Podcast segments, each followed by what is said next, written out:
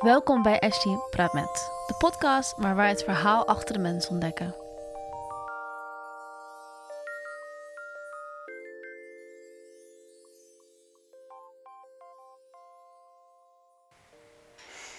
Oké, laten we beginnen.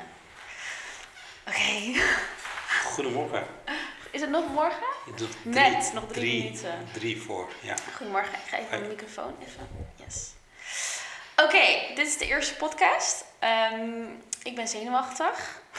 Ik zie het aan je. Ja. Ja. Ja. Ja. Hoe is het met jou? Nou, als ik jou zo zenuwachtig zie, dan denk ik, eh, moet ik ook zenuwachtig worden. Maar ehm, nee, het gaat heel goed. Ja? Het gaat heel goed met mij. Ehm, het is een heel breed, eh, brede vraag natuurlijk. Hoe is het met jou? Oké, laten, we, laten we het anders eh, vragen. Hoe voel je je nu op dit moment? Op dit moment voel ik me eh, heel goed, ja. Oké. Dat komt een beetje door het feit dat eh, de zon schijnt buiten, ondanks het eh, temperatuur. Het is, ik zit met een van de leukste mensen die ik ken bij een podcast. Dat is ook altijd fijn om een verhaal te kunnen vertellen. en tegelijkertijd ja, sta ik altijd wel positief in het leven. Dus in dat kader is het allemaal drie plussen. Mhm. En dat betekent dat ik me goed voel. Ja. Ja. Maar wat je vaak wel ziet, dat heel veel mensen eh, die vragen wel en die zeggen, hoe is het met je? En dan zeggen ze, het gaat goed. Ja. Maar ze vragen nooit, waarom gaat het goed met je? Ja. Het is altijd goed en je bent weg. Ja. En denk je niet dat ook vaak mensen zeggen, het gaat goed, maar eigenlijk dat het niet goed gaat? Ik denk 9 van de 10 keer dat het niet goed gaat. Ja. Ja. Ja. Dus het is wel gek natuurlijk als je zegt van het gaat niet goed. Dan zeggen mensen opeens van, hé, hey, wat is er aan de hand? Wat is er gebeurd? Waarom gaat het niet goed? Ja. Maar als je zegt van het gaat wel goed. Dat mensen ook mensen vragen van waarom gaat het goed? Ja. Ja. Nou, dat is Misschien kan wat een goede begin van de podcast. Ja, dat denk ik als we toch zo beginnen, dan is dat wel misschien eentje waar je ehm, ja, waar ik me vaak over eh, afvraag van hoe dat komt. Omdat we dan, ik denk dat wij als maatschappij gewoon best wel gefocust zijn op negativiteit eigenlijk. En dat ehm, zodra iemand eigenlijk zegt van ik voel me niet goed, dat we dan daar verder op ingaan inderdaad. Maar dan als iemand zegt ik voel me goed, dat we dan... Ja, we zijn, we zijn zo gewend aan negativiteit, denk ik. Het is, ik weet niet of het negativiteit is, maar het heeft wel te maken met het feit dat we in een soort ideale wereld eh, willen leven. En we willen alleen de leuke dingen laten zien en we willen ook eh, de dingen, eh, vooral geen zwakte tonen. Ja, En je kwetsbaar durven op te stellen. ja, En dat, dat heeft te maken met het feit dat heel veel mensen zeggen het gaat goed, terwijl er ongetwijfeld eh, heel veel dingen niet goed gaan. ja, Ze durven niet, ze zijn niet gewend, eh, het is een soort teken van zwakte. En ze denken ook van, wat betekent dat als ik tegen jou nu ga zeggen dat het niet goed met mij gaat? ja, Wat ga je over mij denken? Wat, en hoe kan jij me überhaupt wel helpen? En heb ik daar wel zin in? En snap je, het is ook vaak van vluchtigheid en zeggen van oké, nou weet je wat, ik heb nu gezegd eh, het gaat goed, dan ben ik er vanaf. Hoef ik er niks meer mee te doen. ja, En zolang er niks meer heeft te doen, dan, dan, eh, dan eh, hoef ik ook niet bang te zijn. Het is ook een stukje angst, denk ik, ja. van mensen. En eh, durf jij je wel zo kwetsbaar op te stellen? Steeds meer, steeds meer. Oké, Ja, ik was iemand die vroeger nooit iets zei. ja, Dus ik denk, als je aan mijn vrouw zou vragen, dan zei ze wel eens, ik praat tegen een muur. Mm, Dus er kwam niks uit. aha, En ik heb me dat wel eh, aangeleerd, aan moeten leren. En, en ik leer het nog steeds, denk ik. Ja. En is, er, eh, is dat gekomen door een bepaalde evenement in je leven, waardoor dat is veranderd? Of is dat iets wat gewoon langzaam... Ja, langzaam ik denk leeftijd gaat meespelen. Eh, alhoewel ik me nog steeds, hoe, denk, hoe oud ben ik? Eh, 25, maar dan omgekeerd.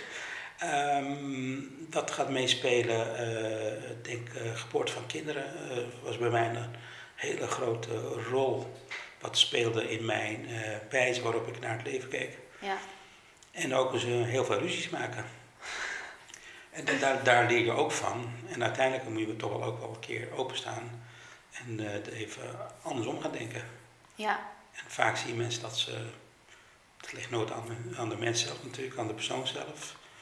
En dat is niet iets waar ik in geloof. Ik denk dat altijd een verhaal twee kanten heeft. mhm, Dus als we naar, eh, maar naar mijn iPhone kijken... mhm, dan zie jij een hele andere kant van de iPhone als ik die zie. ja, Snap je? Dus, maar we kijken wel naar hetzelfde. Ja, ja, ja, ja. Dus zeg maar, iedereen heeft zijn eigen realiteit van de waarheid. Klopt.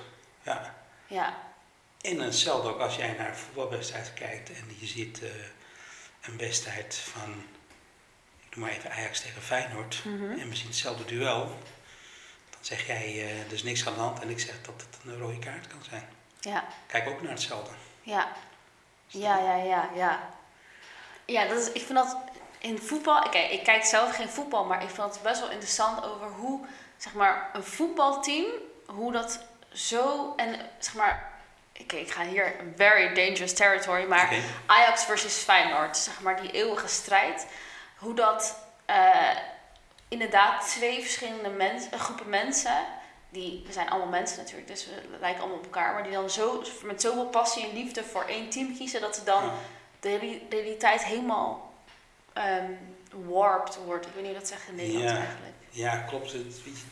Dat, dat, is, dat is het mooie van, van, van sport, of het nou voetbal is of andere sport is. Maar dat is het mooie, dat heeft de mens ook nodig. Ja, En geloof ook wel dat zonder sport, dat er heel veel dingen veel slechter zouden gaan. ja nee, dit ben ik heel met je eens. En het fenomeen dat inderdaad hoe mensen zich kunnen gedragen op het veld als ze zelf aan het sporten zijn, dan wel op het moment dat ze naar voetbal of naar een andere sport aan het kijken zijn. Mhm. Ja, weet je, dat is zo prachtig om, om dat überhaupt te analyseren, hoe dat komt, dat mensen zo kunnen veranderen. Ja, En dat is het mooie van, denk ik, ook van, van, van de sport. En dat maakt denk ik ergens ook niet uit voor welke club je bent. ja, Maar eh, het gaat wel om een stukje eh, ver- verbondenheid, een stukje emotie, gevoel. ja, En dan zie je dat het gewoon nu in coronatijd, dat mensen behoefte hebben aan een soort die uitlaatklep. zeker. En dat haal je dus weg. Dus wat blijft er over? Dat Ja. is tv kijken. Maar ja, dan, dat is lang niet zo als, eh, als het in het echt. Ja, Dus dat zijn wel op zich wel gekke dingen, grappige dingen om over na te denken. ja. Maar goed, eh, misschien gaan we nu al eh, te vroeg, eh, te diep in. Nee, helemaal nee, niet. Nee, nee, nee. Dit is, nee, het is nooit te vroeg voor diepgang. Kunnen het ook over Netflix, eh, kan ook. Hè, dus, Maar oké, we hebben dus over voetbal en hoe, passie, hoeveel, hoe, hoe passievol en hoeveel liefde een, zeg maar, iemand die voor een club is, heeft. Is er iets in jouw leven waar je, waar je dat mee hebt?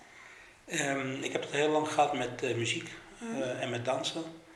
Dat zou ik niet nu niet zeggen, maar ik heb ook heel lang eh, redelijk niveau gedanst. Wedstrijden gedanst ook. Echt? Ja. En wat voor dans? Dat was Turks volksdansen. Oké.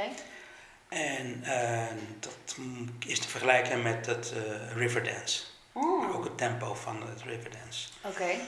En dat hebben we heel lang gedaan. Ook veel wedstrijden met, met een eigen, veel optredens in binnen- en buitenland ook. Wauw. Dus eigenlijk wel een gave periode geweest. Maar dat was echt een soort van eh, gigantische eh, ontlading. Ja. Altijd. Hoe, hoe lang heb je dat gedaan? Ehm, ik heb zelf denk ik een jaar of, nou ik denk een jaartje of twintig gedanst. Hm. En eh, waarvan ik zelf denk ik jaar of eh, vijftien les heb gegeven ook. Ja. Op allerlei... eh, Dit wist ik helemaal niet voor jou. Nee, maar goed, daarom, dat heb ik bewaard voor deze podcast. We moeten niet alles in één keer vertellen, maar ik heb denk ik in, in Rotterdam, Den Haag, Amsterdam, Ridderkerk, allerlei buurtclubhuizen, alle instanties heb ik eh, lesgegeven. Ook met de muziek, met de, met de gitaar, met de Turkse gitaar. Ja. Eh, en heel veel optredens gedaan ook zelf met, met onze eigen groep. Wauw. En, en het mooie is, eh, die, die, eh, die, die jongens en meiden die we toen in de groep hadden, daar zie, die zie ik nog, daar zie ik nog heel veel mensen van. Mhm.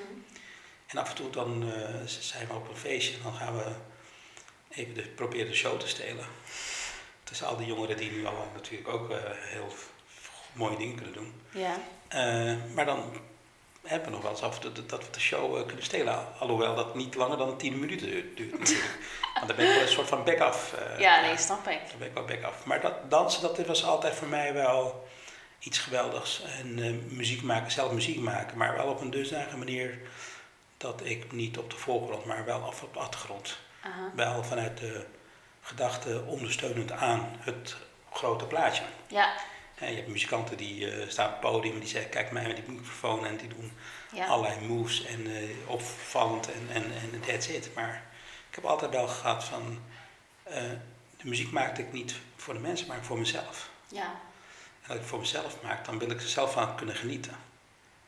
En dat die anderen ook meegenieten, dan is dat gewoon veel fijn. En waarom ben je gestopt?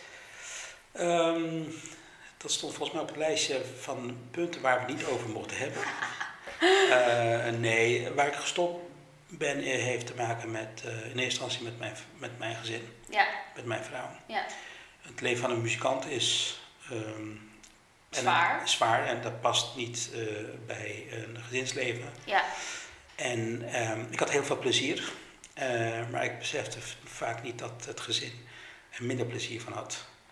En als ik eh, soms op een donderdag, vrijdag, zaterdag en zondag achter elkaar optreden zat en dan moest reizen naar eh, Frankrijk of naar eh, België of naar Duitsland of ergens een, een dorpje in het zuiden van Nederland, ja, ja, dan ben je een hele dag plus een nacht kwijt. ja. En dat, En als gaat, dat gaat. En als je veel Ja. vrienden hebt, grote familie hebt en je wil ergens naartoe, dan gaat dat niet. Dan had ik het echt excuus dat ik zei, ja maar ik, ik verdien geld. Ja, Maar het ging helemaal niet om het geld, het ging om het plezier wat ik had ja, met de mannen. Je kwam op feesten, op locaties waar je normaal nooit komt. ja, Je, hebt, eh, ehm, eh, je wordt goed voor je, voor je gezorgd. Eh, iedereen is in feeststemming. Eh, er is volop eten, drank, heel veel blijheid. heel veel ja, blijheid. Ja, Ik zou ook nooit arts kunnen worden. Een Ja. van mijn beste vrienden is arts, maar ik zou helemaal gek worden als iedereen eh, iedere dag met eh, allerlei problemen naar je toe zou komen. Dan zou ik zelf ook ziek worden. ja, En dat is ook, denk ik ook misschien de reden dat ik gestopt ben met mijn rechtenstudioot. Dat ik vroeger dacht dat ik altijd eh, advocaat wilde worden. Dat was mijn droom. ja, Maar na zes jaar op de Erasmus Universiteit dacht ik, wat doe ik hier? Oh, grappig. Ik wist het ook niet van jou. Nee, zo niet. Hè? Nee. Ik heb zes jaar, waarvan een jaartje filosofie wijsbegeerte, merkte ik laatst. Ik kwam een collegekaart tegen. Eh, maar na zes jaar was mijn studiefinanciering op en toen dacht ik, wat doe ik eigenlijk? Oh, Dit is helemaal niet wat ik wil doen. ja. En toen? En toen, ja, toen dacht ik, ik moet iets doen waar ik gewoon energie van krijg. Mhm.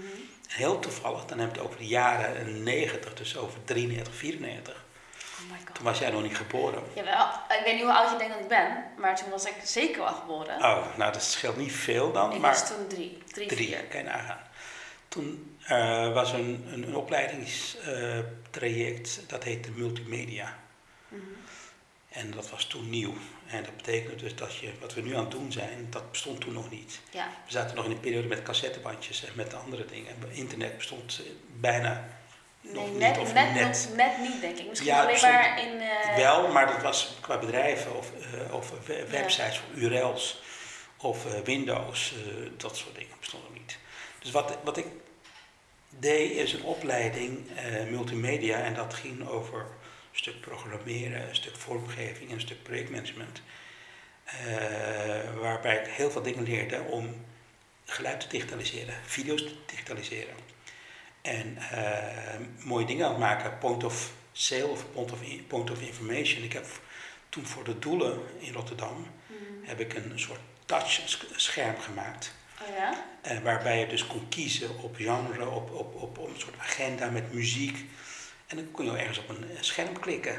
Grappig. En dat was bijzonder. Ja, ja zeker. En wij hebben toen eh, video's op de. Ik heb een stage gelopen bij Exact Software.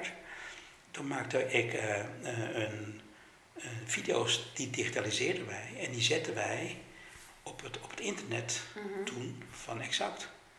En de eerste keer dat de CEO dat zag, die zei: Wauw, wat geweldig is dit. Toen dacht ik, nou, als je nu weet hoeveel eh, MB's aan data en, en, en, gigabytes aan data eh, er per seconde op, op YouTube of op andere kanalen wordt gezet, dan is dat, kan je niet voorstellen. Maar dat was toen, Ja, was dat heel bijzonder. ja, ja. Toen dacht ik, dit is innovatie, dit is mooi, dit, is, dit, dit maakt impact, dit is game changing voor mij. Ja, En sindsdien ben ik op het vlak van innovatie eh, gebleven en ben ik ook eh, blij, word ik blij van zaken die mij eh, dingen kunnen veranderen. ja, En dat, dat is eigenlijk nooit meer weggegaan. En, eh, altijd op een snijvlak van innovatie en op IT, op data, maar wel met de human factor. De microfoon valt. Met de human factor. ik word even een beetje. Uh, nee. Um, maar dat is denk ik voor mij van belang. Dus met andere woorden, ik ben toen steeds meer gaan nadenken: hoe kan ik mijn eigen leven uh, makkelijker maken? Ja. En is er iets waar ik last van heb, wat kan veranderen, ja. zodat ik er later geen last meer van heb? Ja. Dus zo ben ik met name een beetje begonnen uh, na mijn studie en probeer, uh, ging ik ontdekken wat ik wel leuk vond en wat ik niet leuk vond. Ja. En dat gaat af en toe met weerstand. Hè? Dat, in de eerste instantie maakten wij computer-based training op een CD-ROM van Exact Software. En dat de trainers en de docenten van Exact Software die zeiden van wauw, wat, straks heb ik geen werk meer. Als, als de mensen thuis op een CD-ROM een, een, training van Exact kunnen doen, heb ik, heb ik dan nog wel werk? Ja. Dat soort discussies kreeg je. Grappig. Ja, dus uit die periode kom ik een beetje. En uh, dat heeft mij ook wel heel erg uh, de ogen geopend om bezig te zijn met uh, dingen die uh, impact kunnen maken en kunnen veranderen op, op datgene wat ik doe. Ja. In eerste instantie is dat voor jezelf. Mm -hmm. En later ga je veel meer kijken van hoe kunnen we nou voor zorgen dat we ook de wereld een beetje beter kunnen maken. Ja. Ik, ja, dat is, ja, je bent zelf natuurlijk niet voor niks ook veganist. Ja, nou ik moet wel zeggen, ik ga heel eerlijk zijn, ik eet nu wel af en toe een eitje. Maar dan voor mezelf, het eitje moet komen van of iemand die ik ken, of het moet biologisch zijn. Dat heeft te maken met het feit dat ik merkte dat iets in mijn lichaam miste. Maar ik zie mezelf nog geen vlees eten, ik zie mezelf nog geen melk of eh, kaas eten. Maar waarom? Wa- waarom? Ja, Melk of zo? ja. Het idee gewoon alleen maar vind ik Ja. eh, heel naar. En ehm, het ruikt ook gewoon niet lekker. Ik vind het, het, het ruikt niet lekker voor mij. Nee. Dus er zit geen behoefte. En ik, ik heb ik, in de tijd dat ik vegan, alleen maar vegan at, had ik af en toe per ongeluk dat ik boter of melk binnenkreeg. En mijn lichaam reageerde er heel slecht op. Dus het hoeft voor mij ook niet. Nee. Maar wanneer werd je daar eh, een stukje bewust van? Van? Van het feit dat dingen niet fijn aanvoelden of dat je anders ging denken aan dat, dat je zei van joh, als je kijkt naar de hele industrie en wat erbij komt kijken, wat voor impact het heeft, is dat Nou, ik denk. lang van- geleden of is dat? Ja, ja, ja, ja. Ik ben, toen ik 19 was, ben ik naar India geweest. eh, voor zes maanden voor stage. Uiteindelijk helemaal geen stage gelopen, maar misschien moet ik het niet zeggen hier. Nee, Nee. jawel, Ja. jawel. Uiteindelijk is helemaal geen stage eigenlijk gelopen. Mhm. Eh, maar in India, kijk, in India moet, kan je beter gewoon vegetarisch eten, omdat het gewoon, Ja. je, kan heel, je wordt veel sneller ziek van vlees daar. Dus ik at al veel minder vlees. Ik had sowieso al vanaf mijn vijftiende geen rood vlees, omdat ik merkte dat mijn lichaam er slecht op reageerde. En toen, dus ik heb heel weinig vlees en vis gegeten in India. En toen kwam ik terug naar Nederland en ik merkte dat ik gewoon minder en minder behoefte had aan vlees of vis of kip, zeg maar. Sowieso Hm. vlees, maar vis en kip sowieso. En toen op een gegeven moment ehm, dacht ik van, oh, het was misschien zes maanden later, zo dacht ik, hé, hey, ik heb echt wel een maand lang geen kip of vis op. En toen dacht ik, oké, nee, dan ga ik gewoon vegetariër worden. Ja. Dus het is een hele...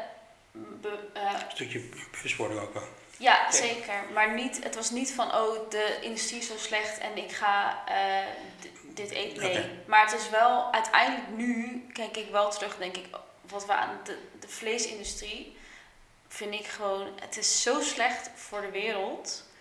Eh, en ik snap dat mensen vlees eten, maar de, de mate met wat we vlees eten is bizar. Ja. En eh, daar, daar wil ik niet echt Ja. bewust aan, aan bijdragen.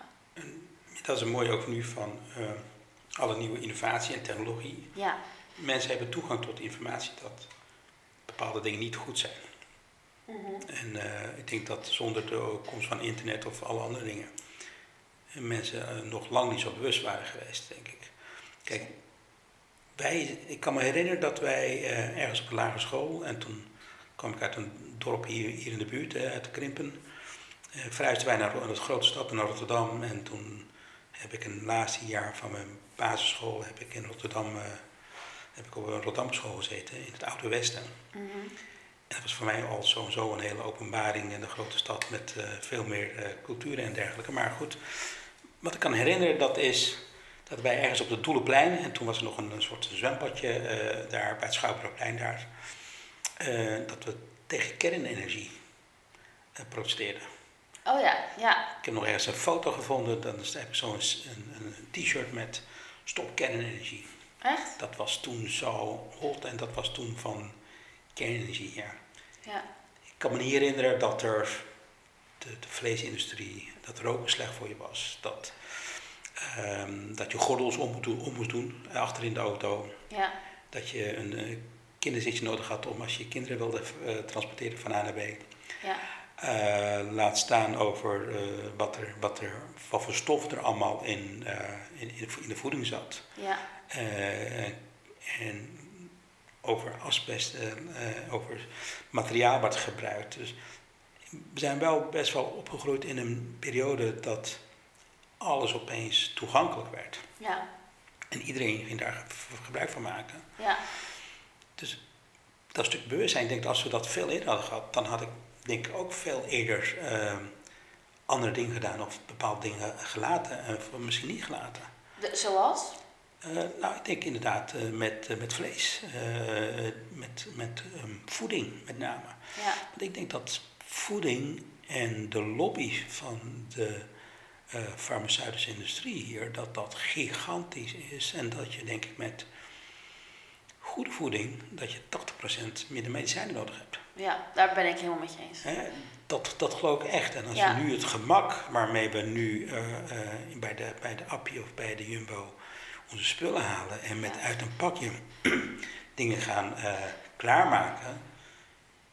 En de marketing daarvan perfect is. Ja. En er staan dingen op, dan denk je, wauw, weet je, hoe geweldig is dat? Ja, Had ik tijdens mijn vakantie in Griekenland of Turkije had ik dat ook gegeten. Dus, en je gooit dat in een zakje en gooit het leeg. En ja, er zitten zelfs dingen niet eh, in wat, wat wel gesuggereerd wordt. ja, ziet hoeveel stoffen, E-stoffen eh, erin zitten. hoe- Hoeveel kleur, smaakstoffen erin zitten. En ja, dat is ongelooflijk.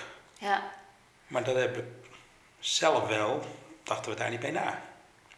Ik eh, woonde in de, ergens in een stormpolder bij een groot eh, eh, bij een bedrijf dat heette EMK.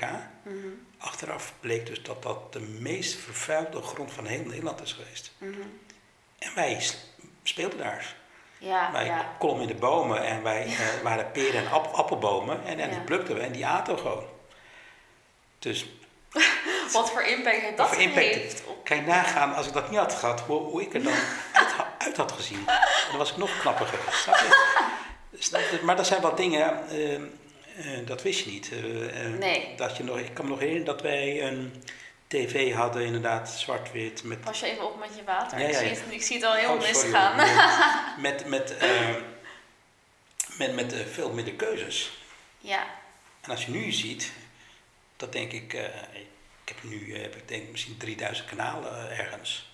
Maar soms zit je op, voor de tv en dan denk je, ik ga je heel even pauze, want ik zie dat de camera opeens gestopt is. oh, Even kijken, wat happening hier? is de batterij op? Nee. Oh, ik weet het niet.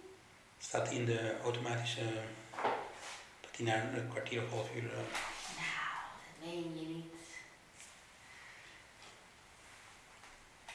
Nou, ik ga hem gewoon doorzetten.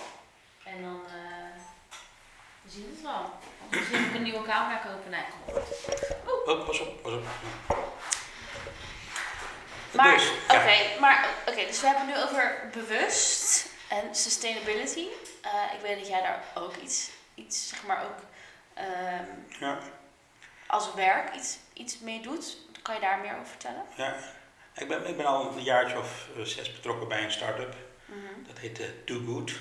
En Do Good is een platform wat, eh, wat ervoor zorgt dat brands en tegelijkertijd ook consumenten en goede doelen bij elkaar brengt. Ja. Op een dusdanige manier dat er niet heel veel ehm, materiaal of geld blijft steken in de overhead van heel veel NGO's. Ja, Ehm, ik krijg ergens de schuld van, van, van de jongeren krijg ik de schuld. Die zeggen, hé, hey, mijn eigen zoon, die zegt, jullie hebben ervoor gezorgd dat er zoveel plastic er nu er in de in de oceaan. Wij moeten dat opruimen en jullie hebben lekker alles gedaan wat, wat niet mocht. Ja. Jullie hebben zoveel vlees gegeten, gegeten en industrie opgezet, opgezet en heel snel veel geld uh, proberen te verdienen. En ook veel te veel kinderen gekregen allemaal. En misschien ook nog eens te veel kinderen eh, gekregen. En zonder na te denken. En toen we opeens konden vliegen, dat we gigantisch gingen vliegen. Mhm. En heel veel gingen verbruiken. En dat ik denk, ja, daar hebben ze wel gelijk in. Mhm. Dus hoe kunnen we ervoor zorgen? En dan ben ik niet van de geitenwolle sokken. En, en dan denk ik van, oké, alles is... Uh, niet? Nee, ik vind het wel jammer. Dat had ik wel verwacht van jou, hoor. Ja, had niet veel geschild, maar ik had die kant op, was ik die kant op gegaan. Maar ik geloof nog steeds wat dat, dat mensen gaan consumeren. Mhm. En ik ben er niet van dat, dat, dat je moet zeggen, je mag niet iets niet eten, je mag iets niet doen. Je, het belangrijkste is dat je de mensen een stukje bewustzijn bijbrengt van wat de impact is van degene wat ze doen. Ja. En als de mensen voor kiezen om nog steeds door rook te rijden, prima, dan weet je dat daar een keer een bekeuring tegenover kan staan. Ja. En dat is met roken, met eten ook nog steeds zo. Uh, maar dat heeft er wel voor gezorgd dat wij uh, denken, mensen blijven consumeren. Maar hoe, hoe zou je nou consumptie kunnen inzetten om de wereld beter te maken. Ja. Nou, dat kan je dus doen door uh, de brands waarvan je consumeert te, te, laten bijdragen aan een soort digitale spaarpot jij uh, hebt mm -hmm. en die jij kunt inzetten naar een goed doel van keuze. Mm. En of dat nou onderwijs is, of dat dat te maken met armoedebestrijding, met milieu te maken heeft, of dat heeft met heel iets anders te maken, met de plaatselijke, lokale dingen. Mm -hmm. Maar dat kan jij dus sparen door te consumeren, maar tegelijkertijd ook om plastic op te ruimen en flesjes te scannen. En dat te uploaden in een app. Ja. En dat geheel zit in een soort virtuele digitale wereld, wat een soort combinatie tussen Snapchat en uh, Candy Crush is, dus op basis van gamification. Uh, dat moet ervoor zorgen dat brands uh, veel beter en veel eerder de generatie X, Y, Z kan bereiken. Ja. En tegelijkertijd ook beter kan begrijpen. Ja. Want wat je nu ziet, en dan erg me heel erg aan het feit dat een vattenval op tv een reclameboodschap uitzendt, die dan zegt van uh, binnen één generatie uh, uh, helemaal CO2-neutraal en, Ja. en, en helemaal. Het onrealistisch. dat is, weet je, dat, is, dat voelt bij mij als een soort van, ik ben de vervuiler Mhm. en ik maak iets vuil en vervolgens ga ik het opruimen en dan zeg ik dat ik heel goed bezig ben. Ja. Terwijl eigenlijk, Terwijl eigenlijk jij ergens ook de vervuiler bent geweest. ja. En dat voelt niet goed. Eh, Of dat heel veel banken, die hebben allemaal een, een, een CSR-programma. Of heel veel banken die hebben allerlei CSR, ik weet niet wat dat is. Corporate Social Responsibility. Ah, oké. En die eh, voor de jaarverslagen dan allerlei dingen moeten laten zien. Van kijk eens hoe goed wij bezig zijn. En wat ik vaak zie, dat het allemaal window dressing is. Ja. Greenwashing noemen ze dat Ook toch? greenwashing, ja, ja. Ja. Dus het gaat vaak niet zozeer om. Natuurlijk willen ze wel en er wordt er iemand aangesteld speciaal op die functie. Maar ergens het is geen intrinsieke eh, motivatie. Het is niet vanuit het bedrijf ze- zelf. Het zijn maar heel weinig bedrijven die dat eh, wel proberen te doen. Ja. En die geld verdienen niet op eerste plaats zetten, maar op plaats 2, 3 of 4. Natuurlijk Ja. moet er geld verdiend worden, maar dat stukje bewustzijn dat, eh, is heel belangrijk. En daarom denk ik erbij dat met, eh, met het hele verhaal van Do Good, daar, daar zijn we nu best wel ver mee, eh, straks kunnen gaan lanceren. Mhm. En eh, misschien wordt dat ook een soort werkwoord als googelen en eh, do good. Ja. En dus dat, dat, dat, dat- daar heb ik wel hoge verwachtingen van en dat is Ja. wel heel gaaf. En zo probeer ik wel een stukje bij te dragen ook in het een stukje beter maken van, van, van de wereld. Oké. Absoluut. Wat ik wel interessant vind om te horen, eh, ja, om te horen aan jou, is eigenlijk vrijwel alles wat jij doet. ehm, jij, jij hebt impact op, op heel veel mensen. Op duizenden mensen eigenlijk, miljoenen misschien zelfs. Eh, dankjewel, dat eh, zou ik graag willen. En ik zou denk ik nog meer impact willen hebben. dat streelt ook mijn ego ergens. Hè. Dat, Ja. dat, dat, daar heeft ook wel mee te maken. Ehm, maar het klopt dat ik eh, onbewust, en dat begint dan heel klein, Ja. impact heb op, op mensen. Ja. Eh, en dat, en dat is een beetje de kern van mij, persoon denk ik, eh, dat ik mensen in verbinding breng. Ja. Of het nou mensen zijn of processen in verbinding breng, maar ik breng dingen in, in verbinding met elkaar. Ja. En dat geeft mij voldoening. En dat zorgt ervoor dat ik. Ik ga je vragen om even niet je handen zo voor de microfoon te, te wrijven. Oh. je bent wel streng vandaag, zeg. Nee, maar het gaat om de recording, dat mensen je goed kunnen Oh, horen. sorry, neem me niet kwalijk. Ik ben altijd streng. Ja, maar dat, het gaat erom dat, dat we dus. ehm, eh, dat soort dingen gewoon heel erg belangrijk zijn. En ik merk dat verbinding brengen en mensen blij maken. Ja. En met name ook andere mensen blij maken. Dat geeft mij dusdanig veel voldoening. Dat ik daar heel erg, eh, merk ik, daar blij van word. En is het zo dat je dan... Weet je, sommige mensen worden wakker ochtends en zeggen... Oké, mijn doel vandaag is om één Nee. persoon blij te maken. Nee, Is het gewoon een soort van nee. constant in de achtergrond gevoel, Nee, gevoel dat, voor jou? dat, dat voelt al niet natuurlijk. Dat voelt als als je in, binnen een bedrijf een innovatie, eh, aan innovatie wil gaan doen en dan zeggen we hebben een innovatiemanager aangesteld, dus we, we inno- innoveren. Ja, oké. Zo, zo voelt dat bij mij. Het moet, Ja. Het moet niet iets, eh, het moet uit jezelf komen en dat moet Ja. niet iets van ik ga nu dit doen. En ik, ik begrijp ook heel veel mensen die dat wel doen, hè, die, die zeggen ik ga nu vandaag 10.000 stappen zetten. Of ik ga eh, vijf keer dit doen of ik ga tien keer dat doen. Ja. En ik ga eh, met drie mensen minimaal in contact komen. Of ik ga, nou, Ja. prima, moeten zij zelf weten. Maar eh, nee, bij mij is dat niet zo. Het gebeurt ook wel eens dat ik dat eh, helemaal niet doe. Het moet geen verplichting zijn. Nee, oké. Ja. En- Maar het gaat, ik voel wel bij jou dat het gewoon een heel natuurlijk proces is. Ja, dat vind ik denk ik wel belangrijk. eh, voor mezelf in ieder geval. Ja. En ik hou ervan als ik dat vergelijk dan maar met toen mijn jongste eh, of kind, kinderen, toen ze nog, eh, nog in Sinterklaas geloofden, dan kocht ik, ja, of de moeder, de cadeautjes van Sinterklaas. Mhm. En dat, dat blijdschap in de ogen van zo'n kind, dat je ziet dat Sinterklaas iets heeft gebracht, Ja. dat geeft zoveel voldoening. Terwijl ik of mijn vrouw degene zijn die het cadeautje koopt.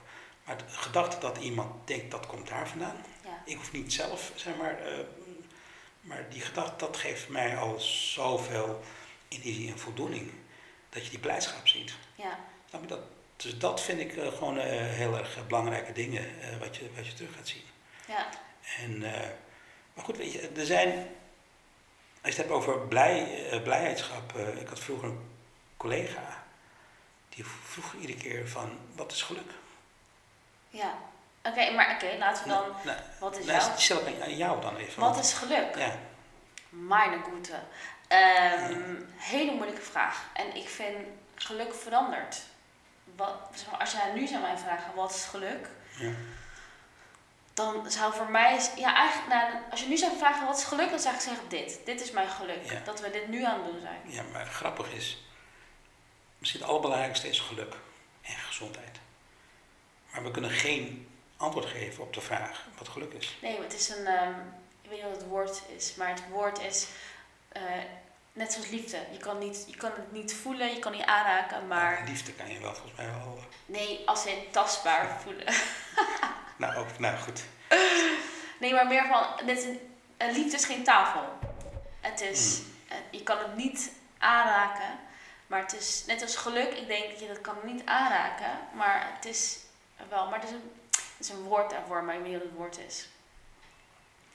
Lastig onderwerp. En natuurlijk- Heel lastig Heel lastig. En, en zo is het geluk ook voor iedereen anders. En Ja, ik heb je volgens mij eerder wel gezegd dat, volgens mij, ik ergens gelezen heb dat de mensen in Nigeria mhm, relatief gezien de meest gelukkige mensen op aarde zijn. ja, En dat heeft een heel andere eh, definitie van geluk als iemand in, in, in Nederland of iemand in Duitsland dat Ja. heeft. En ik heb ook wel eens het over die documentaire eens verteld, over die Planet Earth. ja, Dat je een keer zou moeten kijken naar eh, wat de geluk doet, eh, hoe mensen gelukkig kunnen worden van, van kleine dingen. ja, En dat zie ik ook wel dat bij mezelf, dat ik ook eh, met name door eh, mijn kinderen mhm, eh, heel erg geleerd heb om gelukkig te worden van kleine dingen. Dingen die geen waarde hoeven te hebben in de vorm van eh, geld. Ja, Eh, een, een tak, eh, een blaadje, een, een, een, eh, een structuur of een wolk wat ergens op lijkt. ja. Dat soort dingen, dat is, eh, als je die schoonheid daarvan, eh, Ja, de magie eigenlijk. ja, de magie en die je daarmee hebt, dat maakt mensen gelukkig. En ook gelukkig zijn met minder. Niet, of niet meer met, meer. met, wat je, met wat je al hebt. Grateful zijn voor wat je al hebt, toch? Absoluut. En dat zie je dus vaak dat. ehm, en daar, daar speelt dan geloof ik ook bij heel veel mensen een rol. Ja, Eh, dat, dat, dat ze ook zeggen van oké, nou we zijn dankbaar voor degene. En een stukje besef van het feit dat, dat mensen hoe goed ze het wel niet hebben. En zeker in Nederland hoe goed ze het wel niet hebben. Ondanks heel veel ellende en heel veel armoede die er ook heer- heer- heerst. Maar eh, gelukkig kunnen zijn met, met minder. ja, En helaas zijn er ook heel veel mensen die, dat is rupsje nood genoeg. Dat is, moet altijd meer, het moet altijd groter, het moet Ja. altijd mooier. ja. En dat is zie ook wel weer het gevaar van social media. Ja, Dat, zeker. dat je ziet van, wat ga ik nu posten? En wetende dat mijn vriend of vriendin of mijn concurrent ergens iets gepost heeft, hoe ga ik daar overheen? Ja, Snap je? En dat, dat, die transitie, en dat, iedere keer is het een transitie. Hè? Ik, ik, ik heb in een transitie gezeten van, van eh, non-digitaal, eh, analoog naar digitaal. Dus ik kan dat heel goed eh, een soort van inschatten.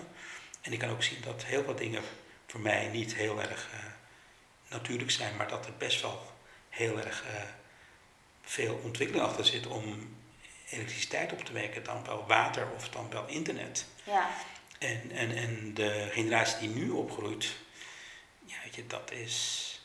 Als ik nu geen wifi of minder wifi heb, en eh, dan heb ik over minder wifi heb ik Ja. over 3 MB of zo, ja, dan... dan is de wereld te klein. Ja, ja, Hoe kan dat? ja, En hoe is het mogelijk eh, dat dat kan? ja. Snap je? Dus dat soort eh, dingen, dat eh, zorgt ervoor alles in, perfect, in, in perspectief kunnen zien, ja. kunnen relativeren, maar tegelijkertijd ook begin met minder. Nou, het is grappig dat, je, dat we het hierover hebben, want ik had dus gisteren met mijn vriend erover. Hij heeft dus gisteren de hele dag, al dus van vorige weekend heeft hij ehm, kastanjes geplukt, opgeraapt, opgeraapt. En, eh, Bij de Albert Heijn of? Nee, nee, nee, nee, nee. Maar het, het gaat hier wel over.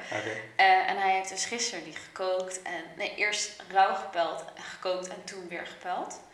En hij is er de hele dag mee bezig geweest. En ehm, hij zei, ja, weet je, het is eigenlijk belachelijk. Want als, als ik gewoon een dag had gewerkt, dan had ik eh, echt wel genoeg geld, eh, meer dan genoeg geld gehad om gewoon een zak eh, kastanjes bij de Albert Heijn te kopen. Ja.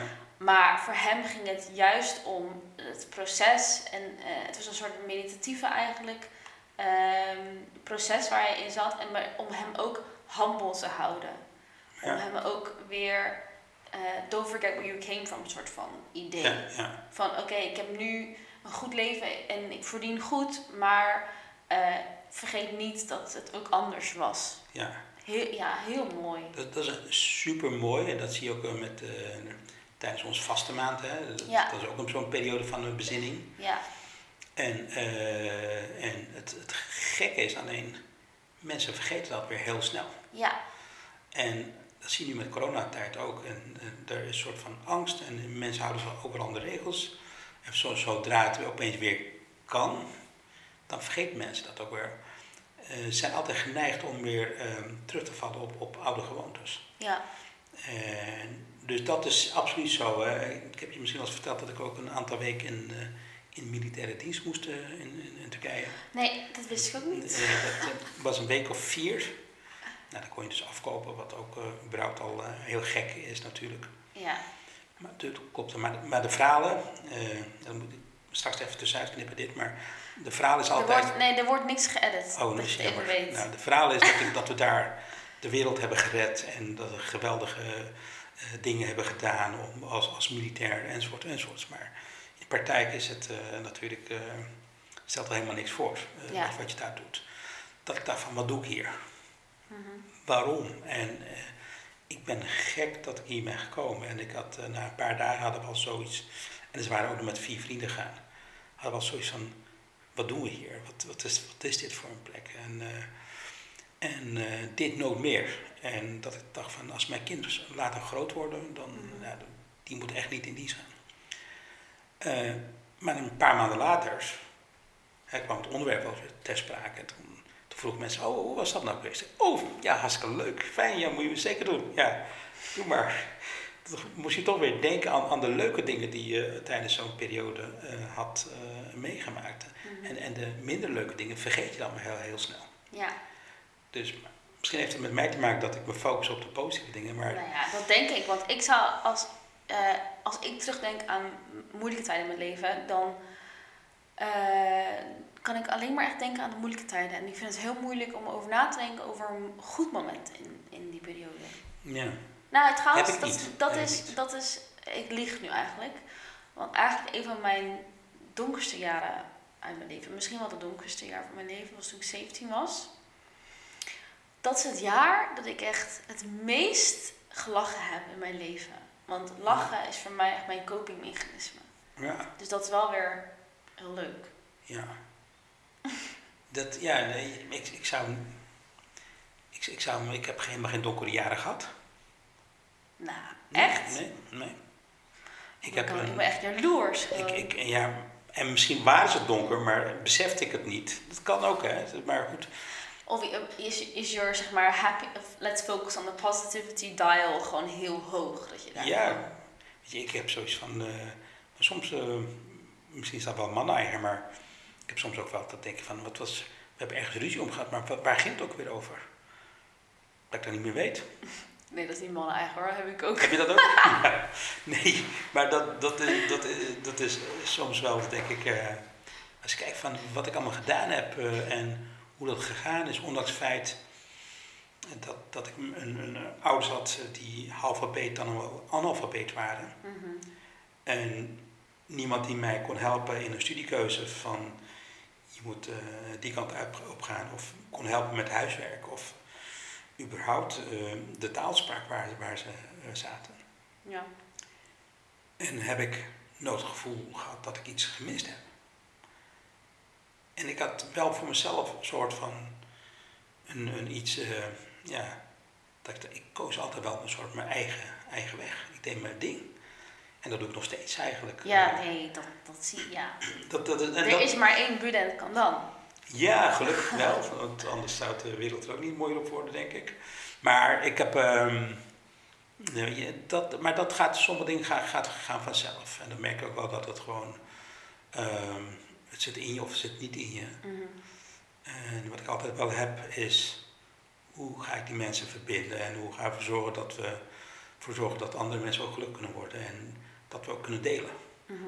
Ik geloof echt wel dat als we de, de welvaart anders verdelen, dat er geen armoede bestaat. Daar ja, ben, ik, ben ik zeker met je eens. Ja, weet je, Hoe, hoe, hoe, ja, hoe het nu ingedeeld is, is helemaal oneerlijk. Dat er mensen miljarden waard zijn en dat er gewoon ook kinderen zijn die niks, niks kunnen eten. Dat klopt gewoon helemaal niet. Nee, maar weet je, dat kloppen ehm, heel veel dingen niet. Mhm. En een van de eh, ehm, dingen wat me ook altijd eh, impact op mijn gedachten heeft gehad, is dat er mensen zijn die eh, een aardbeving meemaken. Mhm. vervolgens verhuizen naar een ander gebied omdat ze bang zijn dat er een aardbeving weer gaat komen. En op die nieuwe locatie weer een aardbeving en komen te overlijden. Ja, Ik zag beelden van mensen dat, er, dat die in een bus zaten die onder een viaduct door, eh, gingen, on- onder een viaduct gingen. En op dat moment, door de aardbeving, die viaduct in elkaar stortte bovenop die bus. Kan je je voorstellen, hoe groot is de kans dat er één, een aardbeving is, Mhm. dat die bus op dat moment, wat een fractie van een seconde is, want zo'n brug is misschien 10 meter breed, en die rijdt er met 80 of 100 km per uur, rijdt hij er onderdoor. En die is misschien een fractie van een seconde, is die eh, zeg maar eh, onder die brug geweest. ja, En op dat moment stort die brug in, ja, zo op die bus. En iedereen dood. ja. Dan denk ik, wat gebeurt er?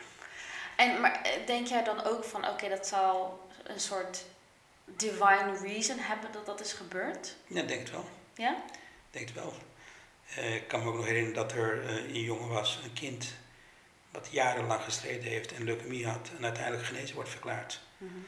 En eh, ik dacht bij het eh, weglopen bij het ziekenhuis en eh, overreden wordt door een auto. Ja. Dood. Ja. Dit soort dingen. Dat soort dingen, dat maakt impact. Dat, dat denk ik, ja, sommige dingen kan je sturen en sommige dingen kan je niet sturen. Ja, nou ja, ja. Toch? Ja, nee, ik moet erover nadenken omdat dit jaar is dus een goede vriend van mij overleden. Eh, heel onverwachts. En eigenlijk, doordat hij is overleden, is er zoveel eh, liefde ontstaan eigenlijk.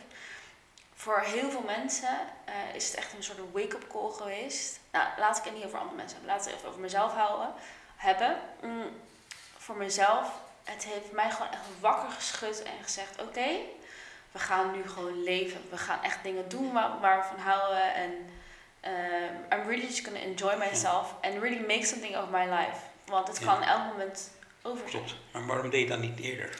Nee, ja, dat. Heel stom van mij. En tot een zekere hoogte deed ik dat wel. Eh, maar, maar dat hij is overleden heeft dat... Maar hetzelfde als, als mensen opeens over, komen te overlijden, dat ze opeens heel erg gewaardeerd gaan worden. Ja, Snap je? Dat, dat, dat zie je ook vaak. Ja. En ik heb, het heeft ook positieve kanten, hè? want eh, ehm, wij hebben, eh, mijn vrouw die heeft een eh, neef en een nichtje in, in Utrecht. mhm. En hun vader werd, was overleden en dan ga je op, op bezoek. Daardoor is, hebben we elkaar zo, en we kennen elkaar daarvoor alleen een soort van van naam. Er is zo'n goede band, een relatie ja, ontstaan ertussen. Dat, dat we ja, heel erg eh, fijn eh, vinden en ook dat, dat we elkaar eh, zien. En weet je, dat, dat hadden we niet gehad zonder het feit dat de vader was overleden. ja, maar ik vind dat de dood verbindt echt. Absoluut, dat verbindt ook. En dat zie je ook wel bij het overlijden van mijn vader. dat is over een paar weken, vier jaar geleden alweer.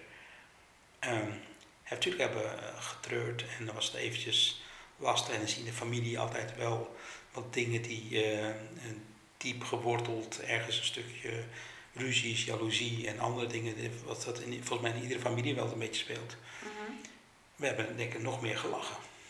Ja, En ook eh, leuke verhalen. En eh, super vermoeiend en super eh, heel erg, eh, eh, zeg maar, dat we helemaal kapot waren. Maar we hebben zoveel gelachen dat ik dacht van, wauw, weet je, dat is ook wel weer leuk geweest. Dat is ook wel super geweest. Dat is ook weer ergens goed voor geweest. ja, Maar dat, zou, dat, dat zijn dingen, dat zorgt er wel voor. eh, Dat, en ik begrijp ook wel dat toen ik 18, 19 was, dacht ik heel anders. En de jongeren nu, die denken nu ook heel anders. En die, als zij weer straks eh, wat ouder worden, gaan ze ook weer zeggen: Ja, maar ik dacht ook toen heel anders dan jullie weer denken, beste, Ja. beste nieuwe generatie. Maar als ik nu besef van wat ik aan het doen was, eh, dat ik dacht van, ja, wij gingen, ik ging met mijn autootje, ging ik zo hard mogelijk proberen te kijken hoe ik een, een bocht kon nemen. ja. Dat ik dacht, waar ben je mee bezig? Ja, en, dan met, dat ik bijna tegen de muur van, van die gaat er blij door op, eh, en dat- eh, en een fietsers omver eh, reed. En denk ik achteraf gezien, hoe dom of hoe stom kun je zijn? De camera is weer gestopt. Ik ga hem weer aanzetten. Ja.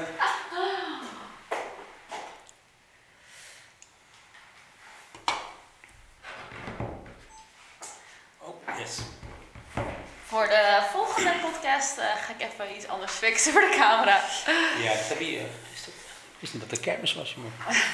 Ja, maar ik herken dat, want ehm, ja, schaam je je eigenlijk over dat je zo was? Nee, niet. Ik, het, is, het is geen schaamte, maar het is meer het gevoel dat ik als ik nu een discussie heb met mijn zoon, Ja. en dan denk ik, ik begrijp hem. Ja, Ik zat er ook zo in. En Ja. Ik, ik, kan, ik begrijp dat hij dat op die manier eh, eh, eh, zo met mij ergens over discussieert. Maar die, die, die gasten zijn al veel verder dan wij op die leeftijd. ja, Die zijn nu al zo slim. En ik doe net of ik eh, slimmer ben dan ze, maar zij zijn al veel verder. maar is dat ook, ik denk dat dat ook belangrijk is. Of tenminste, ik denk dat dat hele eh, punt van kinderen hebben, is dat eigenlijk, als het goed gaat, hoort jouw kind slimmer te zijn dan, dan jouzelf. Ja, weet je, moet geen uitgangspunt zijn dat Nee, een kind dat slimmer niet. moet zijn. Nee, want dat, kan er ook voor zorgen dat er onnodige druk eh, eh, bij, ehm, bij de kind komt te eh, staan. Mhm. ik moet presteren en mama heeft gestudeerd en papa heeft gestudeerd, voor, voor een beetje dan. En, maar dat kind denkt, ik moet ook nu. Ja, dat, dat moet niet, maar het is natuurlijk is het fijn als, als een kind al verder is. ja, Als jezelf, maar als je nu al weet wat voor, wat voor onderwerpen zij discussiëren en hoeveel ze al weten, dingen waar ik pas op de middelbare school achter kwam, weten ze nu al op de basisschool. ja, denk ik, hoe geweldig is dat? ja, Dat is super gaaf. En, en ik, weet je, dat, dat, maakt, eh, dat maakt ook wel weer zo mooi, maar het eh, enige waar wat wel het gevaar is, dat er zoveel toegang is tot informatie, ja, dat je keuze moet maken. En die keuzestress, dat dat straks misschien wel ziekte nummer één eh, gaat zijn eh, in de wereld. ja, En dat zorgt wel voor dat je dus heel erg moet gaan eh, met kinderen bezig moet zijn van leren het kind ook zichzelf kennen. mhm. En wees niet bang om ook daar hulp voor in te roepen van een kindercoach of zo. ja, Hè, dat, dat, eh, mensen die zijn er altijd heel erg huiverig voor of die denken, nee, ik weet, ik weet altijd, altijd alles het beste. Maar dat, er zijn wel een soort van mooie tijden en één ding is wel zeker en eh, tijd gaat zo snel voorbij ja, dat je denkt van wow, het, is, het voelt alsof gisteren en iedereen zei ja, tijd gaat snel voorbij, maar dat besef je op dat moment niet. ja, Dus geniet van de momenten die je hebt met eh, alles wat je doet. En probeer impact te maken op iets, op het leven ook. en denk na van, hoe wil je straks herinnerd worden het moment dat je niet meer eh, in deze wereld bent? Wat, Oké, eh, wat maar... wil je dat mensen over jou zeggen? Ja, oké, laat, me even die, laat me die vraag aan jou stellen, Willent. Ja. Wat, eh, als jij komt te overlijden, laten we hopen dat dat nog, nog over heel lang pas is. Hoe wil je dat, hoe hoop je dat mensen over je nadenken? Ja, weet je, dat is een, een, iets waarvan ik altijd wel iets heb. Kijk, laat, ik denk redelijk veel na over, ook over de dood. Maar ik zit ook te kijken vanuit mijn innovatiepad. Zit ik ook te denken van hoe kan ik ervoor zorgen dat de dood op een andere manier gaat verbinden met degene die achter zijn gebleven. Een idee wat ik heb is, ehm, ik, wil, ik wil in, in Nederland begraven worden. Eh, en dan wil ik een soort een campagne, een marketingcampagne op gaan zetten na mijn dood. Dat dan iedere week een, een berichtje gaat naar de, de mobiel van mijn vrouw of de kinderen. En dat registreert, dat communiceert met het graf. Er zit een soort beacon in. En dat weet dus wanneer je er wel bent geweest en wanneer je niet bent geweest. En eh, op het moment dat je niet bent geweest, dan krijgen ze een, een pushbericht op je telefoon van hé, je bent deze week niet geweest. En als je bij het graf komt, dat je dan een filmpje gaat zien van mij, een boos videoboodschap en tegelijkertijd misschien wel een soort avatar van- Hologram. hologram-achtig iets. En met een mooie herinneringen, leuke herinneringen en misschien je favoriete liedjes of andere dingen. En iedere keer dus heb je dus toegang tot nieuwe informatie en dingen die je misschien toen nooit had kunnen zeggen, dat je dat wel kunt zeggen en kunt Mhm. uitspreken. En als dat drie weken niet geweest is, krijgen ze gewoon een sms-bombardement dat eh, dat hele telefoon geblokt wordt. dus ze moeten wel komen. Eh, snap je? Dus dat is iets, eh, en ik, ik, ik hou ervan. Dus je wil niet vergeten worden? Ik wil niet vergeten worden, nee. Oké, Ik wil absoluut niet vergeten worden. En eh, ik word vergeten, dat, dat weet ik. Tuurlijk word ik vergeten. Kijk, het is. Nou, Nee, het- als ik nu. Ik liep twee jaar terug volgens mij op, op een begraafplaats. En toen ging ik bij een begraafplaats van mijn oma. En die kon ik nog wel. wist nog wie, wie zij was. Het dagelijks leven denk ik daar bijna niet meer aan. ja. Maar de moeder en de vader van mijn oma, mijn overgrootvaders. Ja, oké, op die Dat, manier. dat weet ik al niet meer. Oké, oké, ja, Dus- dat. Ik weet straks dat mijn eh, eerste, je, eerste generatiefamilie, die, die weet dat nog wel. Maar de generaties daarna, die weten dat niet meer. Ja, Dus dan ben ik gewoon weg. oké. Maar, oké, maar je, hebt je hebt mijn vraag niet beantwoord. Want nu heb je eigenlijk gezegd een soort van campagne wat je dan voor je vrouw zou willen en voor je gezin zou willen. Maar wat, eh, als je komt overlijden en mensen denken aan Bulent, wat wil je dat ze dan denken? En niet alleen je gezin, maar mensen die daar ook buiten staan. Ik. Wat Ja. wil je dat ik ga denken? Ehm, ja, wat- ik zou willen, is dat ik eh, eh, impact heb kunnen maken. En impact is niet gelijk van de wereld redden of, of, Mhm. of iets, een, een een vaccin voor een coronavirus eh, ontdekken of zo, of de Nobelprijs winnen. Maar impact heb kunnen maken en ook al is het wel een klein beetje eh voor gezorgd heb dat dingen beter zijn geworden. Dat, dat je ervoor gezorgd hebt dat ehm, positiviteit heb gebracht. Dat ik ervoor gezorgd heb dat ik mensen heb kunnen laten lachen. Ja. En eh, dat zou ik belangrijk vinden. Dat als mensen, als, als, als ze mij, aan, mij- aan mij terugdenken, dat ze daar een warm gevoel blijven worden. Een, een, een smile op hun gezicht krijgen. Ja. Snap je? Ja. Dat gevoel, dat is denk ik, voor, voor mij zou dat eh, waardevol zijn. Dat eh, als ze aan mij denken, dat mensen dan een- blij worden. En alle, alle andere dingen gaan vergeten. Ja. Dat is denk ik eventjes hoe ik dat... en liefst een hele grote begrafenis met heel veel mensen. En heel veel de, ja, dus dat. Ja. Ik hou wel een beetje van dat groteske. Ja, dat, dat, wat ik al zei, dat steelt mijn ego ook wel weer. Ja. Ja. Maar goed, dat zijn eh, eh, mooie dingen eh, eh, om over na te denken. En aan de andere kant heb ik ook wel, dan denk je van eh, een donor, weet je, zijn. Eh, Ja. ik weet hoe jij daarin zit. En ik kan me voorstellen dat jij hebt gezegd, eh, ja, neem alles maar van mij. Ja. Nee. Ja, zeker. En ehm, Maar daar heb ik ook een verhaal over. Want een van mijn beste vriendinnen, haar neef is overleden in Amerika. En hij was topsporter, heel fit, was jong, was in de twintig. En zijn lichaam is gebruikt bij, ik weet het precieze nummer, weet ik niet meer, maar volgens mij 100 mensen. zo. En honderd mensen hebben een beter leven gehad doordat hij is overleden. En eh, dat heeft voor mij wel gezorgd dat ik zeg, ja, dat wil ik kunnen, kunnen betekenen voor iemand anders. Weet je, wat heb je aan het lichaam? Het lichaam is toch niks meer. Oké, nou ga ik iets, iets geks vragen. Ja. Stel nou van die 100 mensen dat er 10 of één kindermoordenaar tussen heeft gezeten.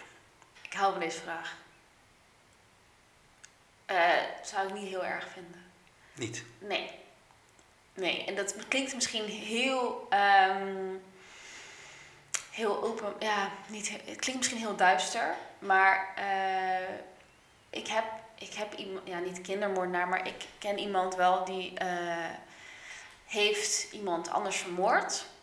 En eh, ik heb daar, hij zit nu denk ik al vijf jaar in de bak, maar ik, het, ik denk daar nog wel af en toe over na van, oké, iedereen heeft hem verlaten. Hij heeft gewoon geen familie meer. Hij heeft geen.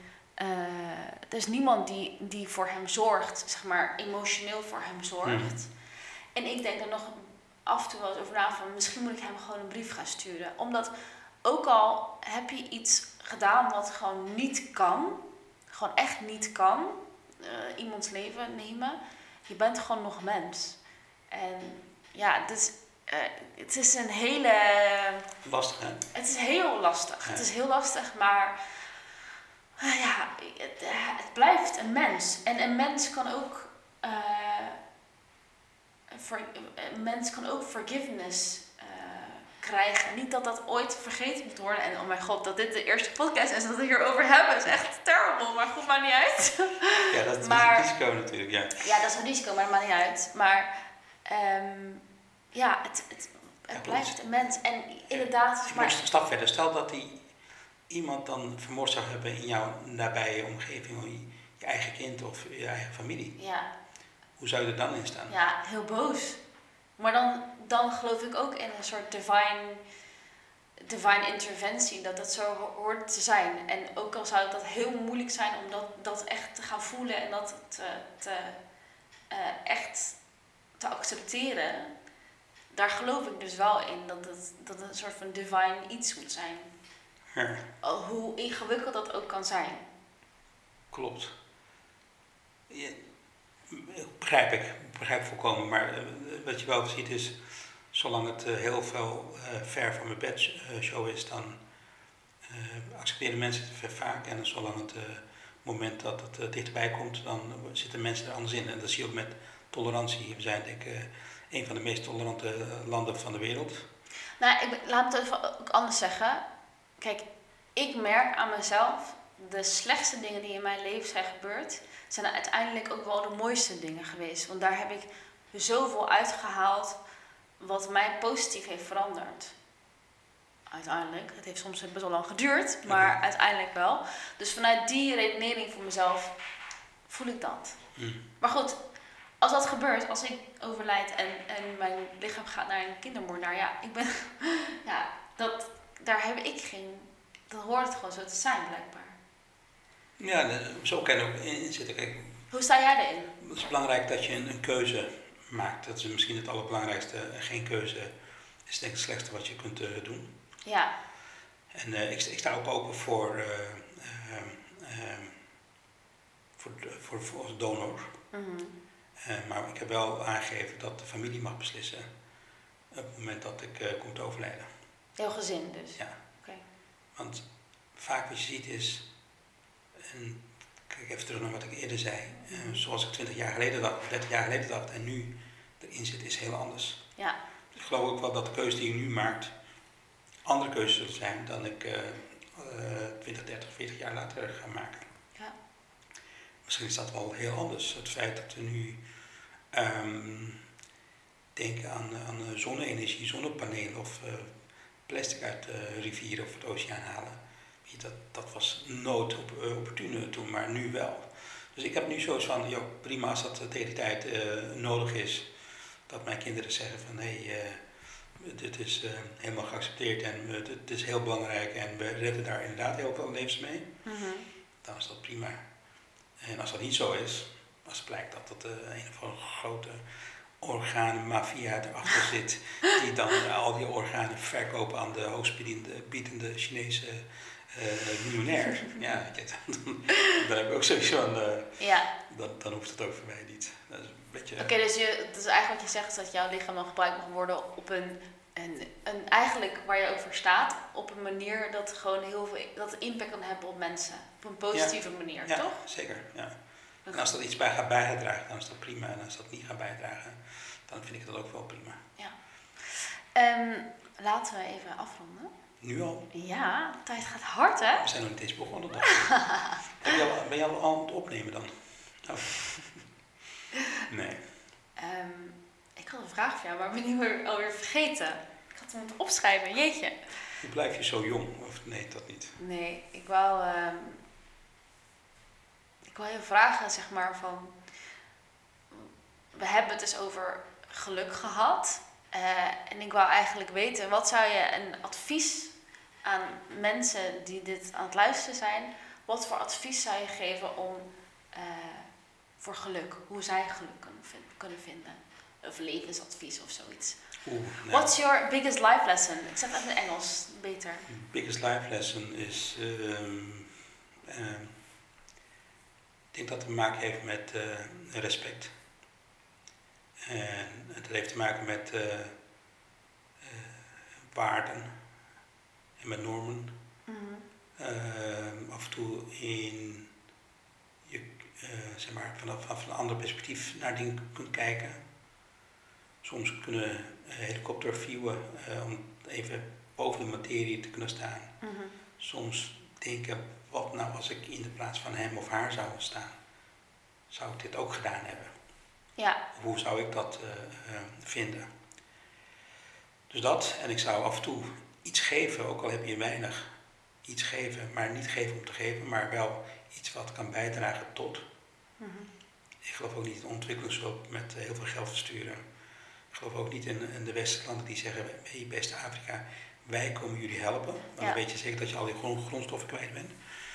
Maar gewoon iets geven, en iets geven is niet altijd in materiële dingen of in geld, maar ook een stukje advies Mhm. helpen eh, bij het ondernemer die gaat opstarten. Ja. Helpen bij adviezen in keuzes die mensen maken in, in, eh, eh, in studie. Dan wel helpen bij een bijlessen van, van een buurjongetje of een, iemand die in de klas die dat nodig heeft. Gewoon een, een, een, bijdrage. Een bijdrage. uit wat voor manier. Ja, eh, gewoon bijdragen. En ik ben altijd wel onder de indruk geweest van eh, de film Pay It Forward. ja. Zeker. Ik dacht van, wat nou als dat in het echt zouden doen? Dus ik ga iets doen, Ja. eh, maar wel met de voorwaarde dat jij ook iets goed moest doen. ja. Ik geloof wel een keer in zo'n test. Begin het, zou ik zeggen. Nou, dat, dat- ik doe het al twintig jaar, maar ik, ik Nee, maar ik bedoel, Ik van... niet, niet altijd dat degene eh, die dat daarna doet ook nog opvolgt. Ja, En iedereen roept natuurlijk dat ze goede dingen doen en dat ze voor de wereldvrede zijn. Dat ze altijd aan andere mensen denken dat geld niet belangrijk is en andere dingen niet belangrijk zijn. Maar stiekem is die, die greed in, in de mensen ook. Maar dat wordt ook heel erg gevoed door eh, heel veel eh, ja, media. ja, En dat mensen het graag ergens bij willen horen, ertoe doen. ja. En dat ertoe doen, dat is niet minder belangrijk. Ja. Het is niet één advies, maar goed. eh, Maar en- en- ik had ook niet verwacht dat jij één ging eh, geven. Nee, Alleen maar één bedoel ik dan. Nee, heel goed. Maar gewoon eh, respect voor elkaar, dat is denk ik het belangrijkste. Ja, empathie denk ik ook. Empathie, voor Empathie, elkaar, absoluut. toch? Empathie, Compassie. Ja, maar ook af en toe even net anders denken. Ja. Gewoon, eh, gewoon iets, iets, iets willen doen, ook al is het iets heel kleins. Ja. Een klein, met klein beginnen. Kijken wat je wel kunt doen en niet kijken wat je niet kunt doen. Ja, oké. Ja? Ik vind dat een hele mooie einde aan eh, mijn eerste podcast. Oké. Wil je bedanken? Nou, bij deze het is het einde van jouw podcast ook, denk ik. Dit is niet eh, representatief, denk ik, voor al je alle andere podcasten. Dus de andere, die kunnen alleen maar leuker worden. Toch? Ja. Kunnen alleen maar meevallen. No En, comment, no comment. eh, dus mensen blijven vooral luisteren. Want ik heb hier echt wel iemand wat een natuurtalent is. Voor, en heel erg geknipt is voor dit soort werk. En dat Dankjewel. ben ik ook, dat vind ik ook wel blij. Ik ben blij dat ik jou heb leren kennen. Ik. En ehm, wat dat betreft, eh, ja, gaan we elkaar ongetwijfeld nog wat vaker zien. Tuurlijk. Dankjewel. Dank jou wel. Ja.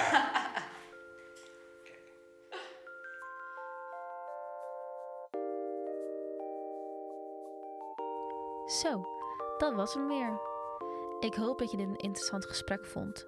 Zo ja, wil ik je vragen om te abonneren op de podcast en ons te volgen op Instagram, Ashley Praat met Podcast. Delen en een review achterlaten wordt enorm gewaardeerd. Tot de volgende keer.